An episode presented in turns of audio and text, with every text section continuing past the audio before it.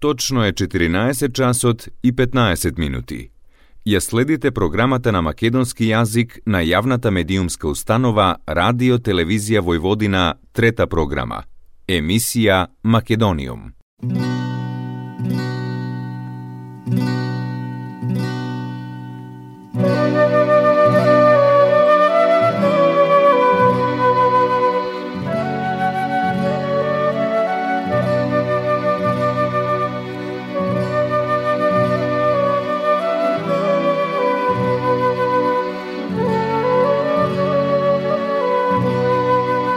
Македониум.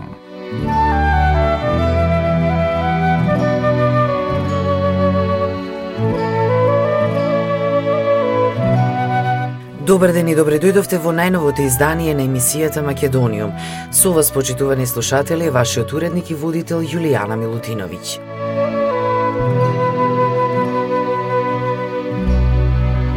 Македониум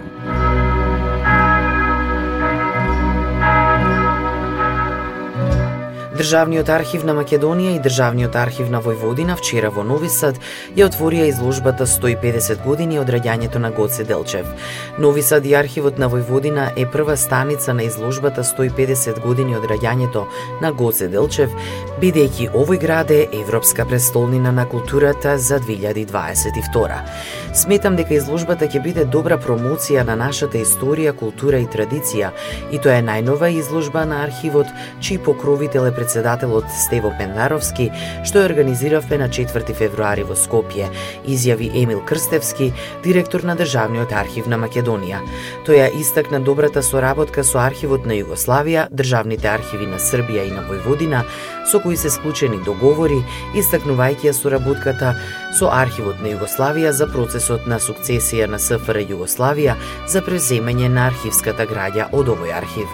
Нови Сад е престолнина на европската култура и драго ни е што Нови Сад и Србија се препознати како место каде што треба да се постави изложбата 150 години од раѓањето на Гоце Делчев, изјави Небојша Кузмановиќ, директор на архивот на Војводина, истакнувајќи дека во 1926 на изден во тогашна Југославија институционално се отворени архивите во Скопје и во Нови Сад, што помеѓу останатото влијае за посебниот меѓусебен однос и соработка во однос со останатите архиви од поранешна Југославија. Оваа изложба за Гоце Делчев покажува дека без архивските документи и без архиви можат да се кажуваат приказни, но не можат да се кажуваат вистини, бидејќи во архивите се наоѓаат факти преточени во документи. И кога тие документи ги изнесете на виделина, дали преку изложба, дали преку книги или емисии, дури тогаш ја покажувате сериозноста на она за што говорите, како што е Гоце Делчев кој е најзначајна историска личност во Македонија, кој се борел против Отоманската империја и за создавање на македонскиот идентитет, изјави директорот на Државниот архив на Војводина, истакнувајќи го задоволството од соработката.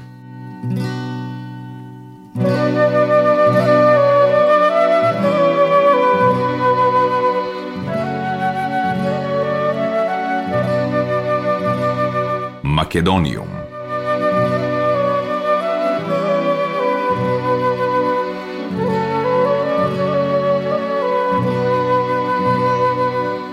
Режисерката Марија Апчевска е добитничка на наградата за најдобра режија на еден од најстарите филмски фестивали, Мартовски фестивал Belgrade Documentary and Short Film Festival, кој оваа година го слави своето 69-то издание. Зачувувајќи ја својата богата традиција, Белградскиот фестивал на документарен и краток филм ги следи современите трендови во филмската уметност и технологија, прикажувајќи филмови со висок уметнички квалитет и поттикнувајќи понатамошен развој на домашната и интернационална филмска продукција. Жирито кое одлучуваше за наградите беше во состав председател на жирито Лордан Зафарановиќ, режисер и сценарист, од Хрватска Хајнц Херманс, професор по драматургија на кратки филм филмови од Германија, Милан Никодиевиќ, режисер, сценарист и продуцент од Србија, Джан Филипо Педоте, продуцент и сценарист од Италија и Драгомир Жупанц, филмски и ТВ режисер од Србија. Тие го дадоа следното образложение – Северен пол е минималистички филм во добра смисла на зборот, која искористи магијата на филмот како медиум и со тоа може би ги надмина намерите на самите автори. Ова достигнување е доказ дека филмот е чудо, со врвна реализација сите пофалби за младите актери. Наградата во име на режисерката ја прими Милош Љубомировиќ, ко-продуцент на филмот, а ја врачи Дарко Ковиќ, член на селективната комисија на фестивалот. Филмот Северен пол на битолчанката Марија Апчевска е со уште една номинација на филмски фестивал, овој пат како дел од интернационалната конкуренција на 25-тото издание на Brussels Short Film Festival, кој се одржува од 20 до 30 април во Белгија. Исто така тој е веќе избран во официјалната селекција на фестивалот кој се одржува од 8 до 14 април во Рига, а потоа патува и за Њујорк на фестивалот кој се одржува од 20 април до 1 мај. Главните улоги ги толкуваат Антонија Белазелковска и Лука Митев. Директор на фотографијата е Владимир Самоиловски, сценограф Кирил Спасески, костимограф Билјана Гргур, шминкер Горан Игнатовски, монтажер Драган Вон Петровиќ, дизајн на тон Игор Поповски и Бојан Паликуќа, а кастинг директор Киријана Николоска. Филмот е копродукција помеѓу Македонија и Србија. Продуцент на филмот е Роберт Насков, копродуценти Милош Љубомировиќ и Горан Тодориќ. Овој филм е снимен на 16 мм филмска лента. Филмот беше избран во програмите на фестивалот во Талин, потоа на фестивалот во Швајцарија на јубилејното 25-то издание, во Шведска на фестивалот кој се одржуваше од 10 до 21 ноември, беше прикажан на Лондонскиот фестивал за краток филм и други. Надпреварувачката програма оваа година на фестивалот во Белград опфати 77 филмови во следните категории: експериментален филм и видео уметност, анимиран филм, краток игран филм, документарен филм до и над 50 минути и меѓународен краток филм. 69-тото издание на истиот траеше од 29 март до 2 април во Домот на младите во Белград, еден од најстарите филмски фестивали во Европа и светот и представи на јавноста богата надпреварувачка и ревијална филмска програма, а беа организирани и бројни работилници, форуми, промоции и други придружни програми.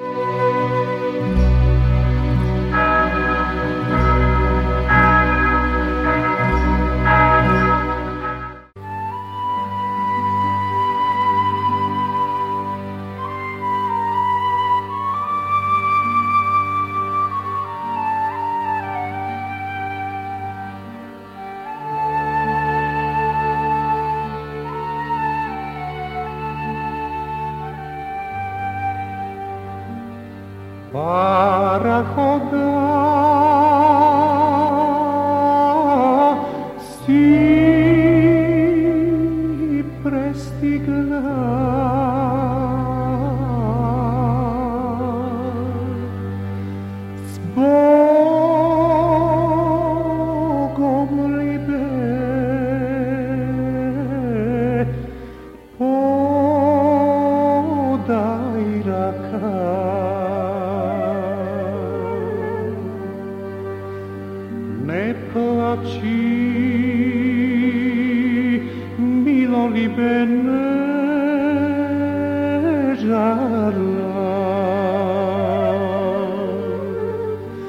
iar fac que se vrata.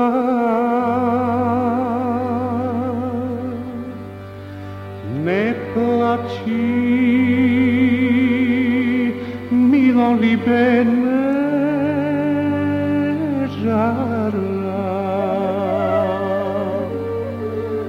iar fac que se vrata.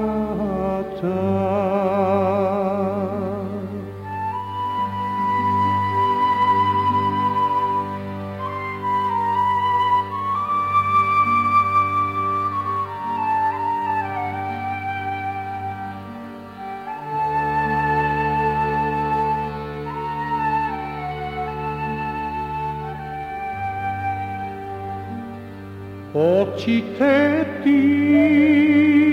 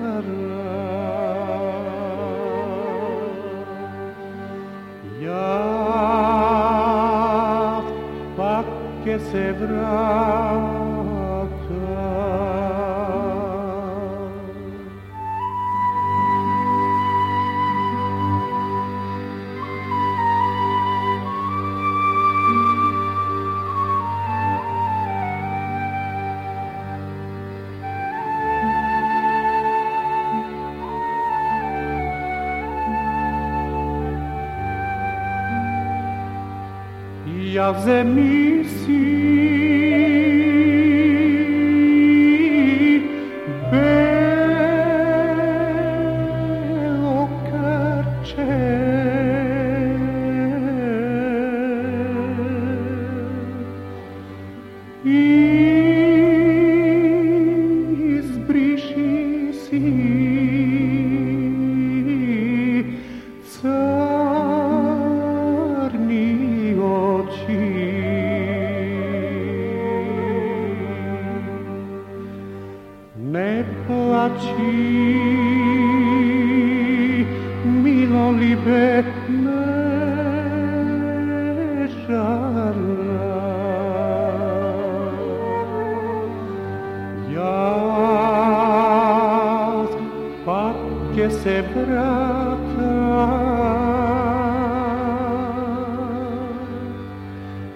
Не плачи,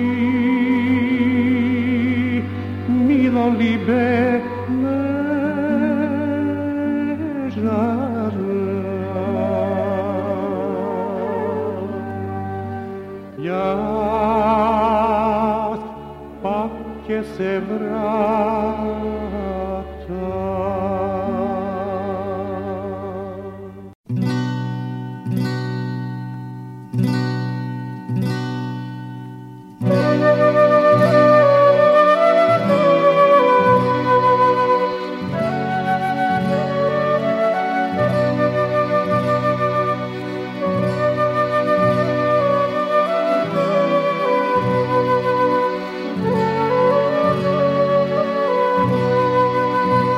Македониум.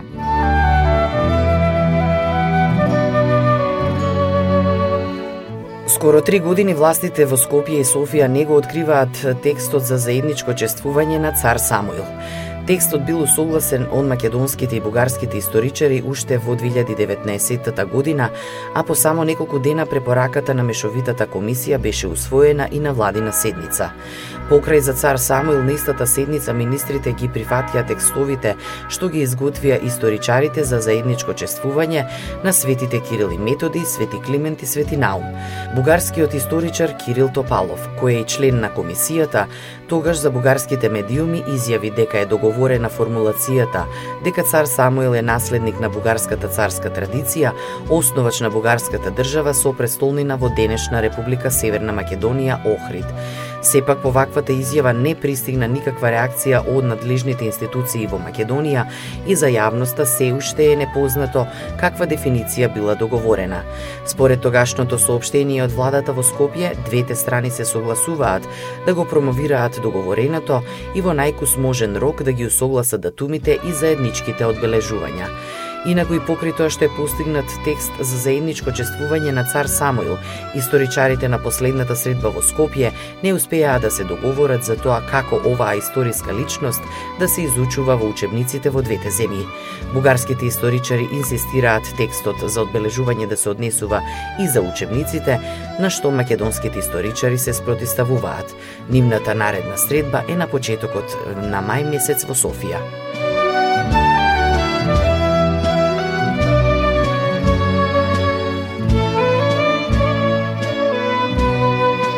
Македониум.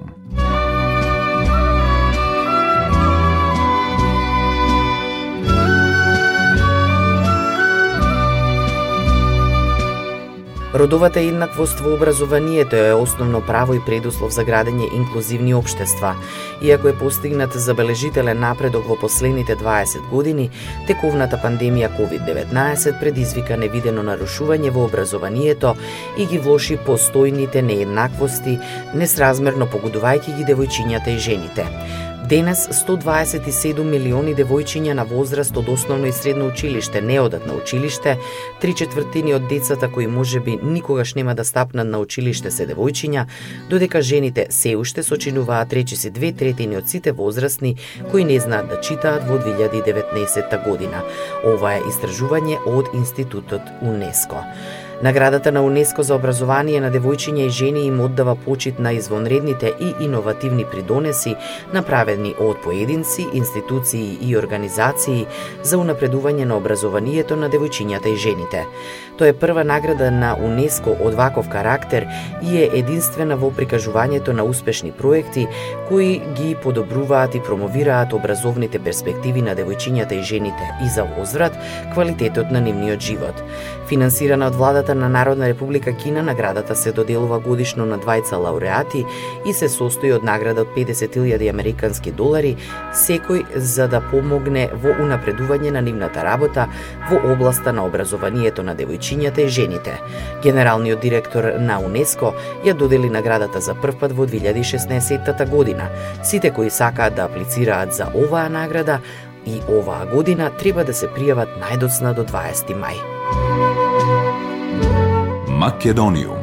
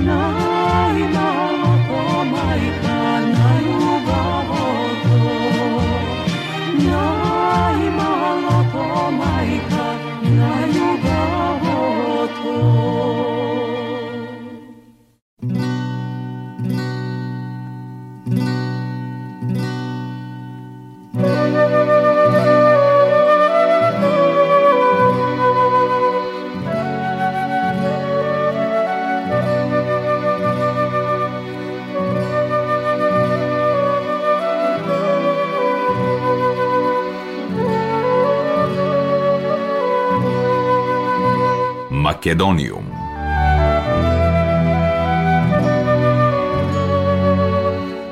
Скопскиот регион е единствен од сите 8 статистички региони во државата, каде во последните 20 години има раст на бројот на жители, домакинства и станови. Во него живеат 33,04% од вкупното резидентно население во Република Северна Македонија и е најгусто населен со 334,99 жители на километар квадратен. Вардарскиот регион е единствен каде што има намалување и на населението, но и на домакинствата и становите. Има загубено 10,23% од населението и е најредко населен регион со 34,3 жители на метар квадратен. Процентуално најголем пад има во бројот на население во југозападниот регион 19,93% и источниот регион 17,39%. Интересно е дека иако бројот на жители во последните 20 години и во двата статистички региони региони е намален, бројот на станови бележи раст од 26,09 и 14,32 Полошкиот регион, иако за 20 години има загубено најголем број на население, по апсолутни бројки 52.573 е втор најгусто населен регион со 104,1 жител на квадратен километар.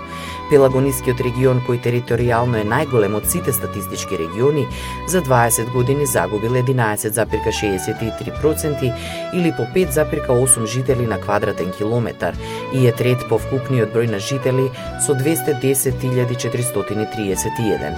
Југоисточниот регион за 20 години има загубено 13,43% од жителите, додека североисточниот регион 11,46% или по 8,4 и по 8,5 жители на квадратен километар. Според податоците од пописот на населението, домакинствата и становите во Република Северна Македонија во 2021 вкупното резидентно население во земјата изнесува 1 милион 836.713 лица.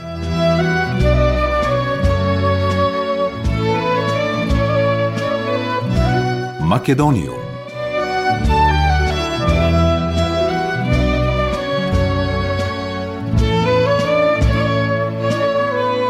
Сите ја носиме одговорноста брзо да носиме одлуки и да ги нормализираме процесите на интеграција во Европската Унија, изјави премиерот на Република Северна Македонија Димитар Ковачевски за време на редовниот брифинг со амбасадорите на земјите членки на Европската Унија, на кој присуствуваше и заменик шефот на мисијата на Европската Унија во Македонија Јулијан Васало. За Северна Македонија задоцнетиот процес на интеграција во Европската Унија е извор на системска ранливост, чии што ефекти се преливаат на целиот регион, а злонамерните актери лесно и вешто го искористуваат. Во време кога меѓународниот поредок заснован на правилата е разнишан, двоумењето на Европската Унија кон оние кои вложуваат огромна обштествена енергија за да се придружат до европските правила, стандарди и вредности, е нешто што ние заедно не можеме да си го дозволиме. Затоа е императив да се одржат првите меѓувладини конференции и да се отпочнат пристапните преговори и со Северна Македонија и со Албанија сега, за време на француското председателство со Европската Унија. Ако ништо не се случи до јуни ќе страда самиот политички моментум. Многу пати во меѓусебните разговори со европски колеги го слушам аргументот за влијанието на изборните циклуси. Политичката поддршка, како и на секаде, се важни за вас, како и за нас. Тогаш, зошто да се ризикува да се изгуби посветен партнер, подготвен да ја направи вистинската работа? Каква порака би испратило тоа до останатите земји и народите од Западен Балкан? Она што ќе следи ќе биде посветеноста на една мала мултиетничка земја на средината на Балканот да се надпреварува рамноправно во полето за игра и да докаже дека вреди да се приклучи на семејството на Европската Унија врз основа на собствените дела. Малку е потребно за да се шутне топката во вистинска насока и да се постигне заедничка победа и за Северна Македонија и за Западен Балкан и за Бугарија и Европската Унија во целина. Ова се многу непредвидливи времиња и сите ние ја носиме одговорноста брзо да го завршиме договорот и да дозволиме нормалност во процесот на интеграција во Европската Унија, рече премиерот на Република Северна Македонија Димитар Ковачевски. Македониум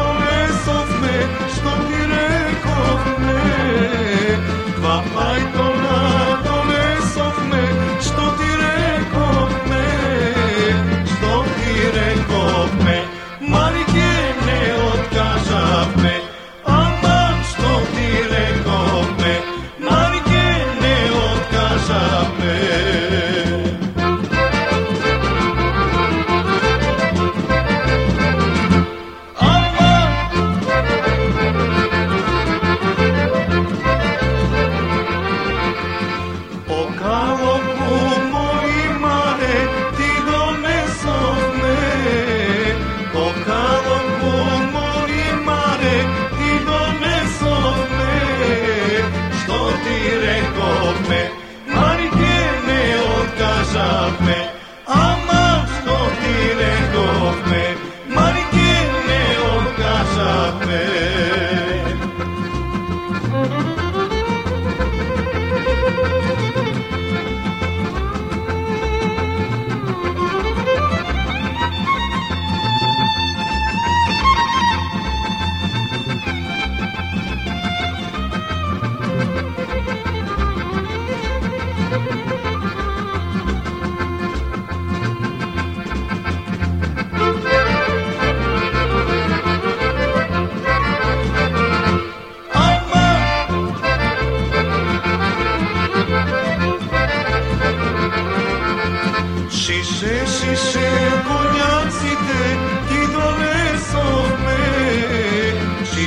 se.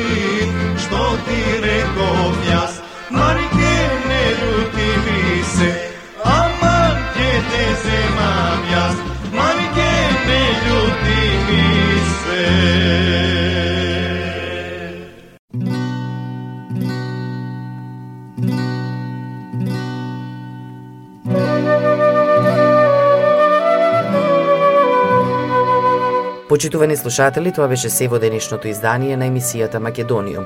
До следната среда во исто време, срдечен и голем поздрав од вашиот уредник и водител Јулијана Милутиновиќ. Ја следевте програмата на македонски јазик, емисија Македониум. Главен и одговорен уредник Воин Поповиќ.